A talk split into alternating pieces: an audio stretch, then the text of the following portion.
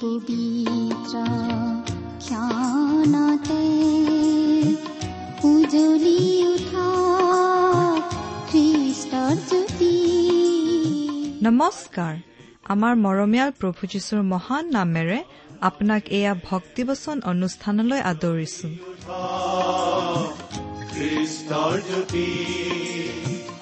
আকাশ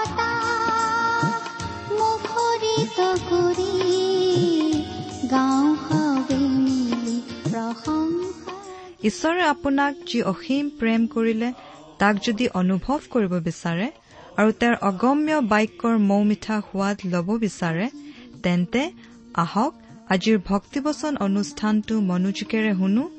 এয়া আপোনালৈ আগবঢ়াইছো ঈশ্বৰৰ জীৱন্ত বাক্যৰ অনুষ্ঠান ভক্তিবচন।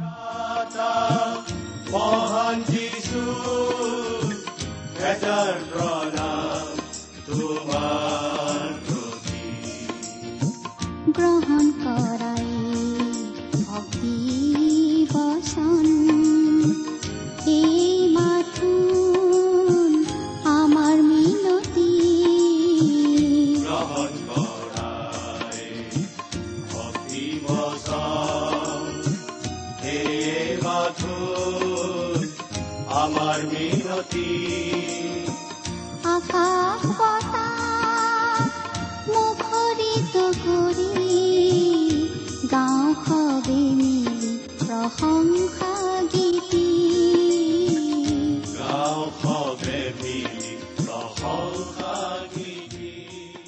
আমাৰ পৰম পবিত্ৰ প্ৰভু যীশুখ্ৰীষ্টৰ নামত নমস্কাৰ প্ৰিয় শ্ৰোতা।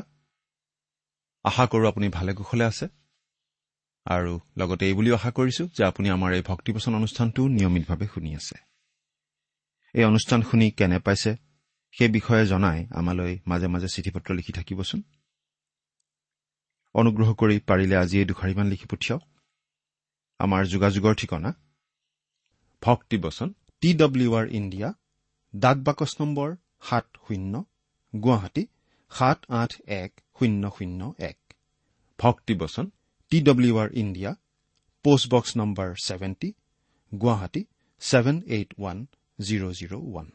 আমাৰ website W W W dot radio' eight eight two dot com প্ৰিয় শ্ৰোতা যদিহে আপুনি আমাৰ এই অনুষ্ঠানটো নিয়মিতভাৱে শুনি আছে তেনেহলে আপুনি নিশ্চয় জানে যে আমি আজি ভালেমান দিন ধৰি বাইবেলৰ পুৰণি নিয়ম খণ্ডৰ মিশা ভাৱবাদীৰ পুস্তক নামৰ পুস্তকখন অধ্যয়ন কৰি আছিলো।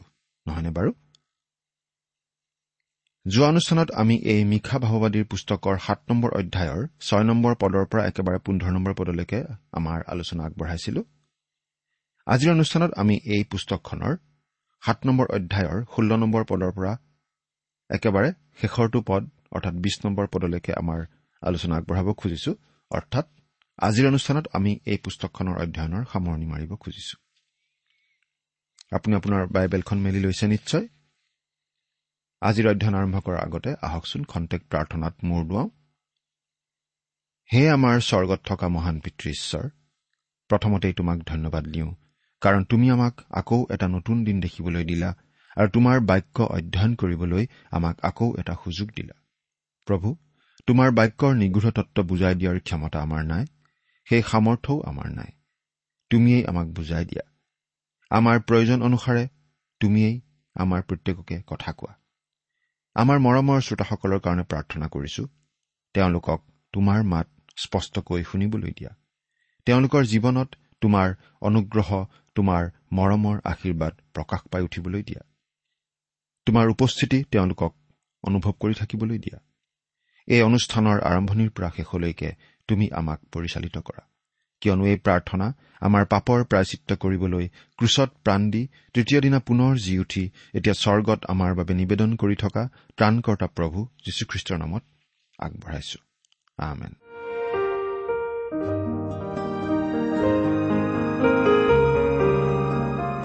প্ৰিয় শ্ৰোতা আমি মিশা ভাৱবাদীৰ পুস্তকখনৰ অধ্যয়নৰ আজি সামৰণি মাৰিম। মিশা ভাৱবাদীৰ যোগেদি ঈশ্বৰে জনাই দিছিল যে যেতিয়া ভৱিষ্যতে প্ৰভু যীশুখ্ৰীষ্ট আহিব এই পৃথিৱীত তেওঁ ৰাজ্য স্থাপন কৰিবলৈ তেতিয়া তেওঁ ইছৰাইল জাতিক তেওঁলোকৰ ৰাজ্যত প্ৰকৃত অৰ্থত সংস্থাপিত কৰিব। সেই ঘটনা কিন্তু এতিয়াও ঘটা নাই ভৱিষ্যতে ঘটিব। এতিয়া বাইবেলৰ পৰা পাঠ কৰি দিম। মিখা সাত নম্বৰ অধ্যায়ৰ ষোল্ল নম্বৰ পদ প্ৰথমতে পঢ়ি দিম। জাতিবিলাকে তাকে দেখি নিজৰ আটাই পৰাক্ৰমৰ বিষয়ে লাজ পাব মুখত হাত দিব। আৰু সিহঁতৰ কাণ কলা হ'ব। যেতিয়া ঈশ্বৰে নিজে কাৰ্য কৰি ইছৰাইলীয়া লোকসকলক তেওঁলোকৰ ৰাজ্যত প্ৰকৃত অৰ্থত পুনৰ সংস্থাপিত কৰিবলৈ আৰম্ভ কৰিব তেতিয়া গোটেই পৃথিৱীৰ মানুহ অতি আচৰিত হৈ চাই থাকিব। ঠিক যেতিয়া মিছৰ দেশৰ পৰা ইছৰাইল জাতিক উদ্ধাৰ কৰি অনাৰ সময়ত মানুহবোৰ আচৰিত হৈছিল তেনেকৈ। ৰাহব নামৰ বেশ্যাগৰাকীয়ে এই বুলি স্বীকাৰ কৰাৰ কথা আপোনাৰ হয়তো মনত আছে? যীহুচোৱা দুই নম্বৰ অধ্যায়ৰ দহ আৰু এঘাৰ নম্বৰ পদত আমি চাওঁ হওক। কিয়নো তোমালোক মিছৰৰ পৰা ওলাই অহা সময়ত জিহুৱাই তোমালোকৰ সাক্ষাতে কেনেকৈ চুফ সাগৰৰ পানী শুকুৱাইছিল আৰু জৰ্দনৰ সিপাৰে থকা চিহুন আৰু ওগ নামেৰে ইমূৰীয়াবিলাকৰ দুজন ৰজালৈ তোমালোকে কেনে ব্যৱহাৰ কৰি তেওঁবিলাকৰ নিঃশেষে বিনষ্ট কৰিছিলা তাক আমি শুনিলো। আৰু শুনা মাত্ৰকে আমাৰ হৃদয় ভয়ত দ্ৰৱ হৈ গ'ল। তোমালোকৰ কাৰণে কাৰো সাহ আৰু নাথাকিল। কিয়নো তোমালোকৰ ঈশ্বৰ জিহুৱাইয়েই ওপৰত থকা স্বৰ্গৰ আৰু তলত থকা পৃথিৱীৰ ঈশ্বৰ। অৰ্থাৎ ঈশ্বৰে কেনেকৈ তেওঁৰ লোকবিলাকৰ যত্ন লৈছিল কেনেকৈ তেওঁৰ লোকবিলাকক সহায় কৰিছিল সেই কথাটো চাৰিওপিনে জনাজাত হৈ পৰিছিল। সোতৰ নম্বৰ পদ। সিহঁতে সাপৰ নিচিনাকৈ ধূলি চেলেকিব।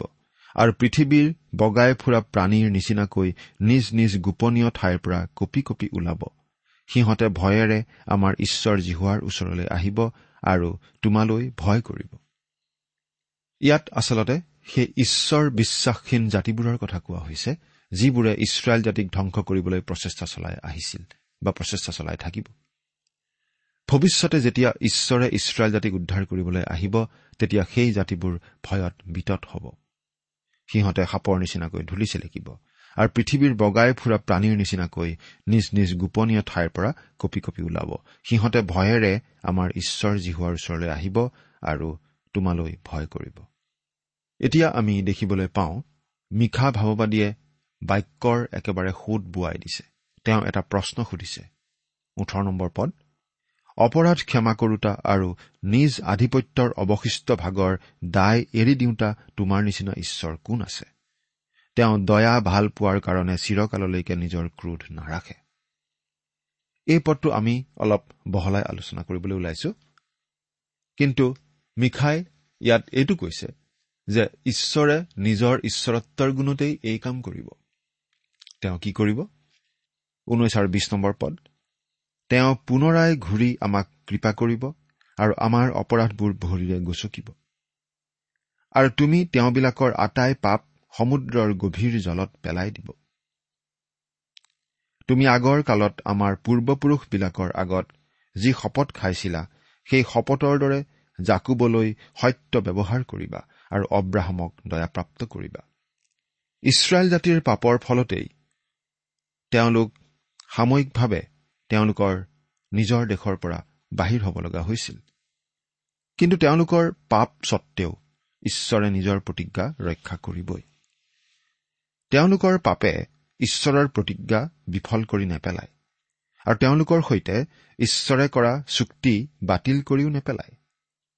ঈশ্বৰৰ সন্তান খ্ৰীষ্টীয় বিশ্বাসী এজনে পাপ কৰিলেও পৰিত্ৰাণ হেৰুৱাই নেপেলোৱাৰ নিচিনাকৈ।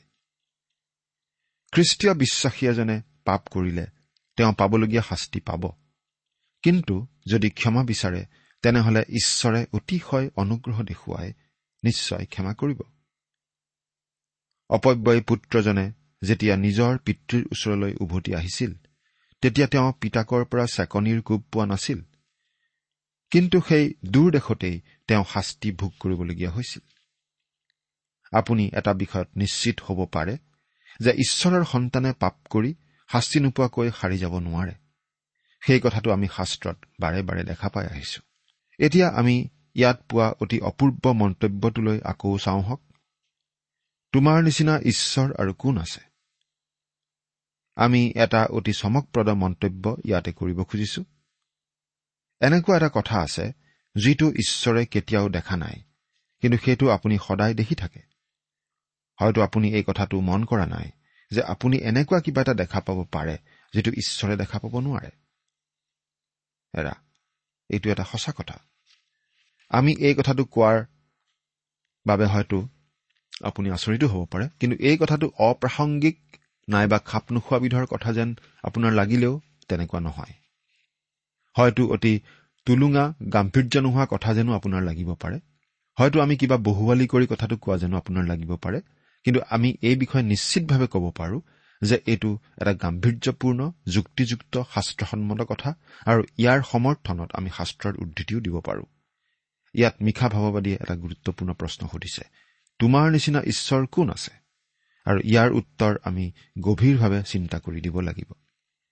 আচলতে এই চিন্তনীয় বিষয়ৰ প্ৰশ্নটোৰ ধৰণটোৱেই এটা উত্তৰ দাবী কৰে। শাস্ত্ৰত এয়েই প্ৰথমবাৰ এই প্ৰশ্নটো সোধা হোৱা নাই। ইছৰাইল জাতিয়ে লোহিত সাগৰ পাৰ হৈ আহি যেতিয়া সেই অপূৰ্ব গীতটো গাইছিল তেতিয়াও এই প্ৰশ্নটোৱেই সুধিছিল। যাত্ৰা পুস্তক পোন্ধৰ নম্বৰ অধ্যায়ৰ এঘাৰ নম্বৰ পদটো পঢ়ি দিছো। হে যি হোৱা দেৱতাবোৰৰ মাজত তোমাৰ তুল্য কোন আছে? পবিত্ৰতাত তোমাৰ নিচিনা আদৰণীয় বা কোন? প্ৰশংসাত ভয়ানক আচৰিত কৰ্মকাৰীয়েই বা কোন? ইছৰাইলীয়া লোকসকল নানা দেৱ দেৱীৰ উপাসনা চলা সেই মিছৰ দেশৰ পৰা ওলাই আহিছিল মাত্ৰ। মিছৰ দেশখন নানা দেৱ দেৱীৰ প্ৰতিমাৰে ভৰপূৰ আছিল। মিছৰীয়া লোকবিলাকৰ বহুসংখ্যক দেৱতা আৰু প্ৰভু আছিল। মিছৰ দেশত ঈশ্বৰে যি দহোটা উপদ্ৰৱ আনিছিল সেইকেইটা তেওঁলোকৰ বিভিন্ন দেৱ দেৱীৰ বিৰুদ্ধেহে আছিল। সেই ক্ষেত্ৰত ঈশ্বৰৰ সেইটোৱেই কাৰ্যপন্থা আছিল। তাৰ পাছত আকৌ অৰণ্যত চল্লিছ বছৰ ভ্ৰমি ফুৰাৰ পাছত মুচিয়ে এনেদৰে কৈছিল দ্বিতীয় বিৱৰণ তেত্ৰিশ নম্বৰ অধ্যায়ৰ ছাব্বিছ আৰু সাতাইছ নম্বৰ পদ চাওঁ হওক। ইয়াত আমি এনেদৰে পাওঁ যীশুৰুণৰ ঈশ্বৰৰ তুল্য কোনো নাই। তোমাৰ সহায়ৰ নিমিত্তে তেওঁ আকাশমণ্ডলেদি আৰু নিজ গৌৰৱেৰে গগনেদি ৰথত উঠি অহা যোৱা কৰে। অনাদি ঈশ্বৰ তোমাৰ বাস কৰা ঠাই আৰু তলত চিৰস্থায়ী বাহু দুখন। তেওঁ তোমাৰ আগৰ পৰা শত্ৰুবোৰক দূৰ কৰে আৰু বিনষ্ট কৰা বুলি ক'লে। এই একেটা প্ৰশ্নকেই চলোমনেও সুধিছিল। প্ৰথম ৰাজা বুলি আঠ নম্বৰ অধ্যায়ৰ তেইছ নম্বৰ পদটো চাওঁ হওক। আৰু তেওঁ ক'লে হে ইছৰাইলৰ ঈশ্বৰ জিহুৱা ওপৰত থকা স্বৰ্গত আৰু তলত থকা পৃথিৱীত তোমাৰ তুল্য ঈশ্বৰ নাই। সকলো হৃদয়েৰে তোমাৰ আগত আচৰণ কৰোতা তোমাৰ দাসবিলাকলৈ তুমি দয়া আৰু নিয়মটি ৰক্ষা কৰোতা। আকৌ গীত ৰচক ডায়ুদে এই বুলি কৈ উঠিছিল গীতমালা এশ তেৰ নম্বৰ গীতৰ পাঁচ আৰু ছয় নম্বৰ পদ পঢ়িছো। যিজনাৰ আসন ওপৰত আছে যিজনাই আকাশমণ্ডল আৰু পৃথিৱীলৈ দৃষ্টি কৰিবৰ নিমিত্তে নিজকে নম্ৰ কৰিলে। এই প্ৰশ্নটোকে সোধা হৈছে যাত্ৰা পুস্তক দ্বিতীয় বিৱৰণ ৰাজাৱলী গীতমালা আৰু আন বহুতো শাস্ত্ৰাংশত যিবোৰ আমি উল্লেখ কৰা নাই। কিন্তু আমি এতিয়া ইয়াৰ উত্তৰটো দিওঁ আহক। আচলতে ইয়াৰ উত্তৰটো আমি প্ৰথমতে উল্লেখ কৰা মন্তব্যটোতেই সোমাই আছে। আপুনি সদায় দেখি থকা কিবা এটা ঈশ্বৰে কেতিয়াও দেখা নাই। ঈশ্বৰে নেদেখা কি বস্তু আছে বাৰু? প্ৰিয় শ্ৰোতা ঈশ্বৰে তেওঁৰ সমকক্ষ কোনো ব্যক্তি দেখা নাই।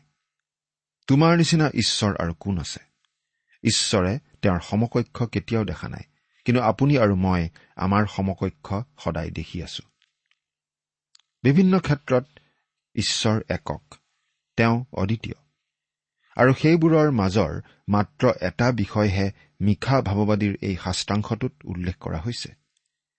কিন্তু যিহেতু এইটো ইমান গুৰুত্বপূৰ্ণ প্ৰশ্ন আৰু এই পুস্তকখনৰ ক্ষেত্ৰত অতি মৌলিক প্ৰশ্ন গতিকে আমি এই বিষয়টো অলপ গভীৰভাৱে চাব বিচাৰিছো।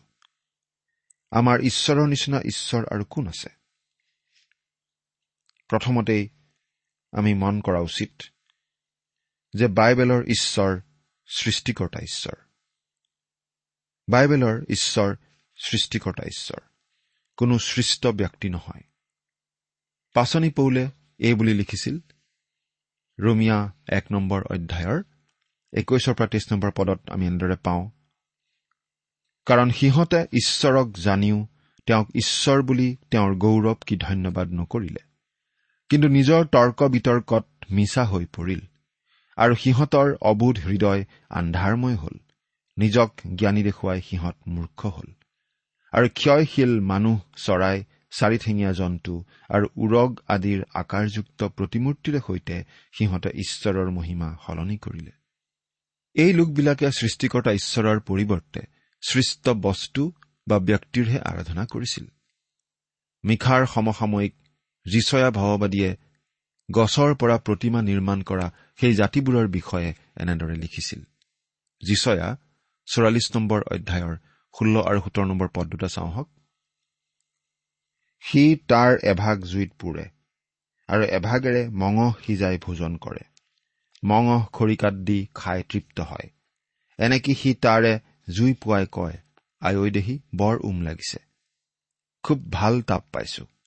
পাছে সি তাৰ অৱশিষ্ট ভাগেৰে এক দেৱতা নিজৰ এক মূৰ্তি সাজি তাৰ আগত প্ৰণিপাত কৰে আৰু তাক সেৱা কৰে আৰু তাৰ আগত প্ৰাৰ্থনা কৰি কয় মোক উদ্ধাৰ কৰা কিয়নো তুমি মোৰ দেৱতা। জীচয়াই এই বুলিও কৈছে হে জাকুব হে ইছৰাইল এইবোৰ সোঁৱৰণ কৰা কিয়নো তুমি মোৰ দাস। মই তোমাক নিৰ্মাণ কৰিলো। তুমি মোৰেই দাস। হে ইছৰাইল মই তোমাক নাপাহৰিম। যিচয়া চৌৰাল্লিছ নম্বৰ অধ্যায়ৰ একৈশ নম্বৰ পদ। ঈশ্বৰেই সৃষ্টিকৰ্তা। আপুনি হয়তো ক'ব পাৰে আমিতো আজিকালি তেনেকুৱা একো প্ৰতিমাৰ উপাসনা নকৰো। মিশা ভাওবাদীৰ পুস্তকত এটা বিশেষ ধৰণৰ প্ৰতিমা সেৱাৰ দোষৰ কথা কোৱা হৈছে যিটো দোষত ইছৰাইলীয় লোকসকলক দোষী কৰা হৈছে। সেই দোষত আজি আচলতে আমিও দোষী। লোভ হৈছে এক প্ৰকাৰ প্ৰতিমা পূজা। ঈশ্বৰ বৰ্জিত চিন্তা ব্যৱস্থা বয় বস্তুৰ প্ৰতি মাত্ৰাধিক চিন্তা বা আন যিকোনো বিষয় বা বস্তুক লৈ আমি অনবৰতেই ব্যস্ত থাকো সেইবোৰেই আমাৰ বাবে প্ৰতিমাস্বৰূপ হৈ পৰে। যিহে আপোনাৰ সময় আৰু ধনৰ অপচয় কৰে সেয়েই আপোনাৰ ঈশ্বৰ। সেইটো আমোদ প্ৰমোদো হ'ব পাৰে যৌনতাও হ'ব পাৰে টকা পইচাও হ'ব পাৰে। প্ৰিয় শ্ৰোতা আপুনি যিহক লৈ অনবৰতেই ব্যস্ত হৈ থাকে সেয়েই আপোনাৰ দেৱতাৰ নিচিনা। আপুনি হয়তো কোনো খ্ৰীষ্টীয় মণ্ডলীৰ সভ্য সভ্যাও হ'ব পাৰে। তথাপি আপুনি যিহৰ প্ৰতি নিজকে অনবৰতেই উৎসৰ্গিত কৰি ৰাখিছে সেই বিষয় বা সেই বস্তুহে আপোনাৰ বাবে উপাস্য দেৱতাস্বৰূপ। অলপ চোকা ভাষাৰেই ঈশ্বৰে যিচয়া ভাওবাদীৰ যোগেদি প্ৰশ্ন সুধিছে। কি সুধিছে আমি চাওঁ হওক। যিচয়া ছিয়াল্লিছ নম্বৰ অধ্যায়ৰ পাঁচ নম্বৰ পদ। তোমালোকে মোক কাৰ সদৃশ আৰু কাৰ সমান বুলিলে বা কাৰে সৈতে মোৰ উপমা দিলে আমি পৰস্পৰ সমান হ'ম? ঈশ্বৰ সৃষ্টিকৰ্তা। আপুনি তেওঁৰ ছবি আঁকিব নোৱাৰে। ঈশ্বৰে আকৌ কৈছে যিচয়া ছিয়াল্লিছ নম্বৰ অধ্যায়ৰ ছয় আৰু সাত নম্বৰ পদ যিবোৰে মোনাৰ পৰা হুৰা হুৰা সোণ দিয়ে আৰু তৰ্জুত ৰূপ জোখে সিহঁতে তাৰ দ্বাৰাই এক দেৱতা নিৰ্মাণ কৰিবলৈ সোণাৰীক বেচ দিয়ে। সিহঁতে প্ৰণিপাত কৰে এনেকি পূজাও কৰে। সিহঁতে তাক কান্ধত লৈ যায় আৰু নিজ ঠাইত তাক স্থাপন কৰে তাতে সি থিয় হৈ থাকে। নিজ ঠাইৰ পৰা লৰচৰ নহয় এনেকি কোনোবাই তাৰ আগত চিঞৰিলেও সি উত্তৰ দিব নোৱাৰে নাইবা সংকটৰ পৰা তাক উদ্ধাৰ কৰিব নোৱাৰে। অতি গুৰুত্বপূৰ্ণ প্ৰশ্নটো হৈছে আপোনাৰ ধৰ্মবিশ্বাসে আপোনাক কঢ়িয়াই নিছে নে আপুনিহে ধৰ্মবিশ্বাসটোক কঢ়িয়াই নি ফুৰিছে? বহুতো মানুহে এনেদৰে কোৱাও আমি শুনিবলৈ পাওঁ। মই খ্ৰীষ্টীয় পৰিচৰ্যাৰ কাম অতি আমনিদায়ক পাওঁ। এই কামটো বৰ টান। যদিহে আপুনি তেনেদৰে কয় তেনেহলে আপুনি কৰি থকা কামবোৰ কৰিবলৈ এৰি দিয়ক।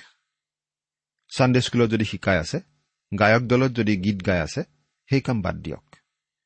যদি বুজা অনুভৱ কৰিছে তেনেহলে মণ্ডলীৰ বিষয়ববীয়া হবলৈ এৰি দিয়ক। যদিহে আপুনি এই কামটো বুজাস্বৰূপ বুলি ভাবিছে তেনেহলে আপুনি এই কাম কৰি থকাটো ঈশ্বৰে নিবিচাৰে। আপোনাকহে ঈশ্বৰে কঢ়িয়াব বিচাৰে। আপুনি তেওঁক কঢ়িয়াই ফুৰিব নালাগে। তেওঁ তেওঁৰ সকলো সন্তানক কঢ়িয়াব বিচাৰে। গতিকে ঈশ্বৰ অদ্বিতীয়। তেওঁ সৃষ্টিকৰ্তা আৰু তেওঁ আমাক কঢ়িয়াই নিয়ে। আদি পুস্তক এক নম্বৰ অধ্যায়ৰ এক নম্বৰ পদতেই আমি ঈশ্বৰৰ যে সৃষ্টিকৰ্তা সেই কথাটো পাওঁ। ইয়াৰ বিৰুদ্ধে বা ইয়াৰ ব্যতিক্ৰমত কথা কোৱা মানেই ঈশ্বৰ নিন্দা কৰাৰ নিচিনা কথা। দ্বিতীয়তে বাইবেলৰ ঈশ্বৰ পবিত্ৰ আৰু ধাৰ্মিক। এই কথাটো মিশা ভাওবাদীৰ পুস্তকতো অতি গুৰুত্বপূৰ্ণ আৰু বাইবেলৰ বাকী পঁয়ষষ্ঠিখন পুস্তকতো এইটো অতি গুৰুত্বপূৰ্ণ কথা। ঈশ্বৰ পবিত্ৰ ঈশ্বৰ ধাৰ্মিক। কিন্তু বিভিন্ন প্ৰজাতিবিলাকে উপাসনা কৰা দেৱ দেৱীবোৰ আছিল ঘীন লগা নিজ অসাধু মন্দতাৰ চিনস্বৰূপ কুৎসিত। আমি দেখিবলৈ পোৱা তেনে কিছুমান প্ৰতিমাৰ কথা ভাবি চাওকচোন। গ্ৰীকসকলে অলিম্পাছ পাহাৰৰ ওপৰত উপাসনা কৰা সেই দেৱ দেৱীবোৰ আছিল মানুহৰেই প্ৰসাৰিত ৰূপৰ নিচিনা। আৰু সেই দেৱ দেৱীবোৰেনো কি কৰিছিল? বয়সতকৈ বৃদ্ধি পোৱা সন্তানৰ নিচিনাকৈ মাত্ৰাধিক পাপ আদিৰে সেইবোৰ আছিল হিংসুক প্ৰতিহিংসা পৰায়ণ। তাৰ দ্বাৰা আচলতে মানুহে ঈশ্বৰক অপমান কৰা যেন হৈছিল। আপুনি বাৰু মন কৰিছেনে? বাইবেলত আমি পবিত্ৰতাৰ সৌন্দৰ্যৰ কথাটো বহুবাৰ পাই আহিছো। প্ৰিয় শ্ৰোতা আমাৰ ঈশ্বৰ ধুনীয়া। তেওঁ তেওঁৰ লোকসকলক কৈছিল গীতমালা পঞ্চাছ নম্বৰ গীতৰ একৈশ নম্বৰ পদটো চাওঁহক তই এইবোৰ কৰি আহিছ। তথাপি মই মনে মনে আছিলো। তই ভাবিছিলি যে ময়ো সম্পূৰ্ণৰূপে তোৰ নিচিনা কিন্তু মই তোক ধমকি দিম আৰু তোৰ সাক্ষাতে সকলোকে চিজিল ৰূপে প্ৰকাশ কৰিম। ঈশ্বৰ পবিত্ৰ আৰু তেওঁ পাপক ঘীন কৰে বুলি কৈছে। তেওঁ পাপৰ প্ৰতি ক্ৰোধী। পাপৰ বিৰুদ্ধে ঈশ্বৰৰ খং প্ৰকাশ পাবই লাগিব। সেইবাবেই ঈশ্বৰৰ পৰা সুধবিচাৰ দণ্ড আমালৈ আহিবই। মিশা ভাওবাদীৰ পুস্তকৰ কথাখিনি আজি আমাৰ নিজৰ পৰিস্থিতিৰ ক্ষেত্ৰতো প্ৰযোজ্য। আজি গোটেই পৃথিৱীখনেই কঁপি গৈছে। নানা ধৰণৰ অভাৱনীয় ঘটনা ঘটিছে। আচলতে ঈশ্বৰে পাপক ঘীন কৰে পাপৰ বিৰুদ্ধে তেওঁৰ খং উজাৰি দিয়ে সেইবাবেই এইবোৰ ঘটি আছে।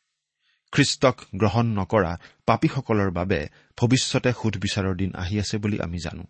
কিন্তু ঈশ্বৰে আজিও তেওঁৰ খং প্ৰকাশ কৰি আছে।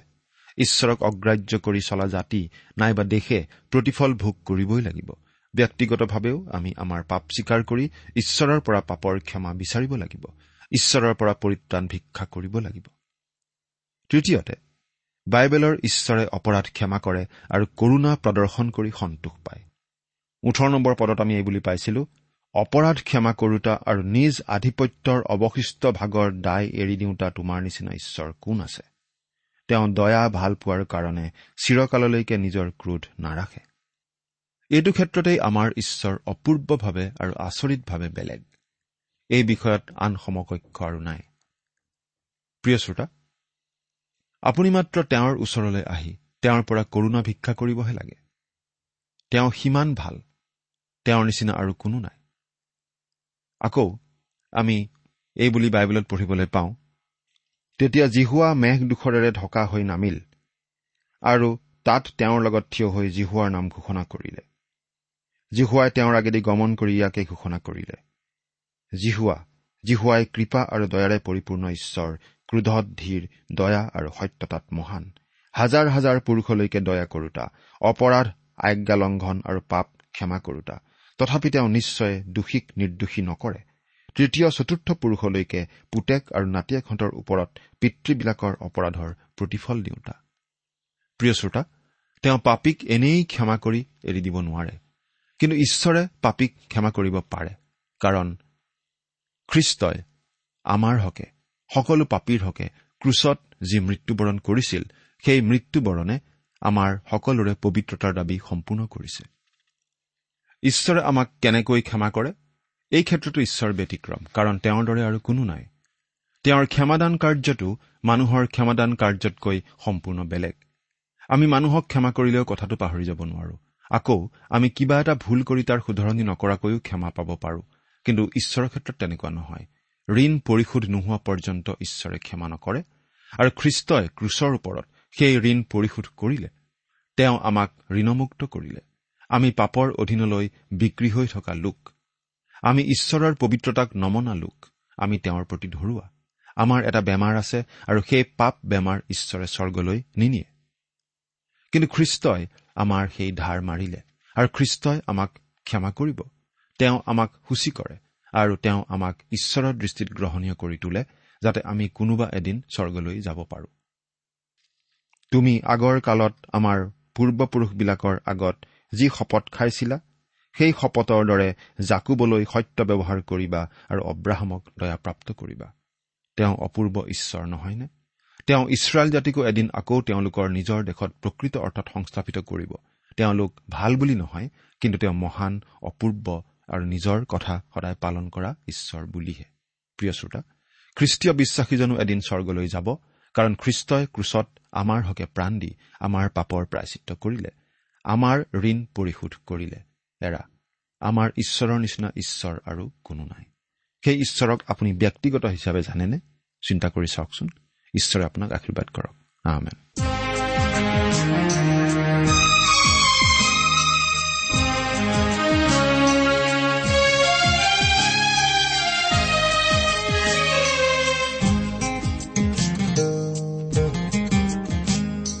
মনেৰে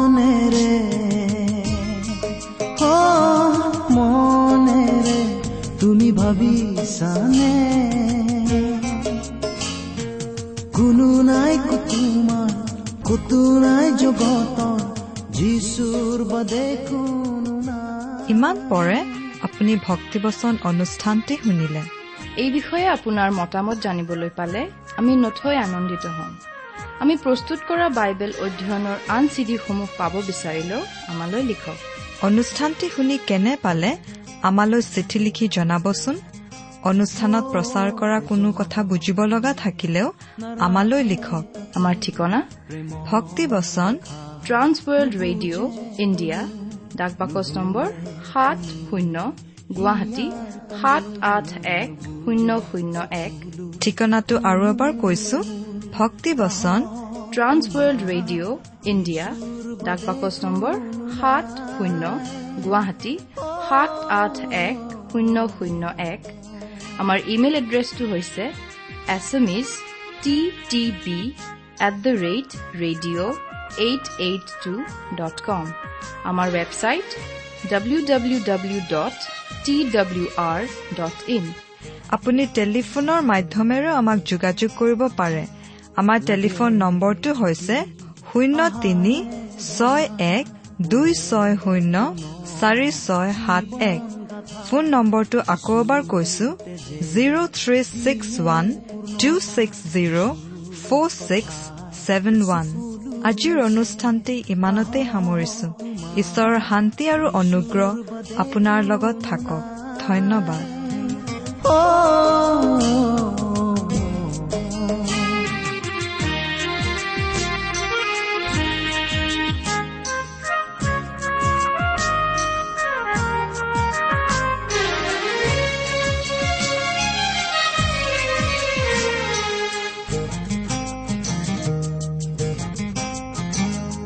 লাগে যদি আহাৰে ভৰা পুৰে পূৰ্ণ জীৱন গাথা যিচুৰ তেজে দিয়ে পূৰ্ণতা যিচুৰ কথাই চকুলো মুছে যিচুৰ বাদে কোনো নাই তোমাৰ কাহ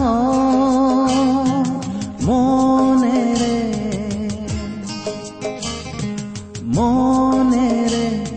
তুমি ভাবিছানে কোনো নাই তোমাৰ কতো নাই জগতৰ যিচুৰ বাদে কোনো নাই।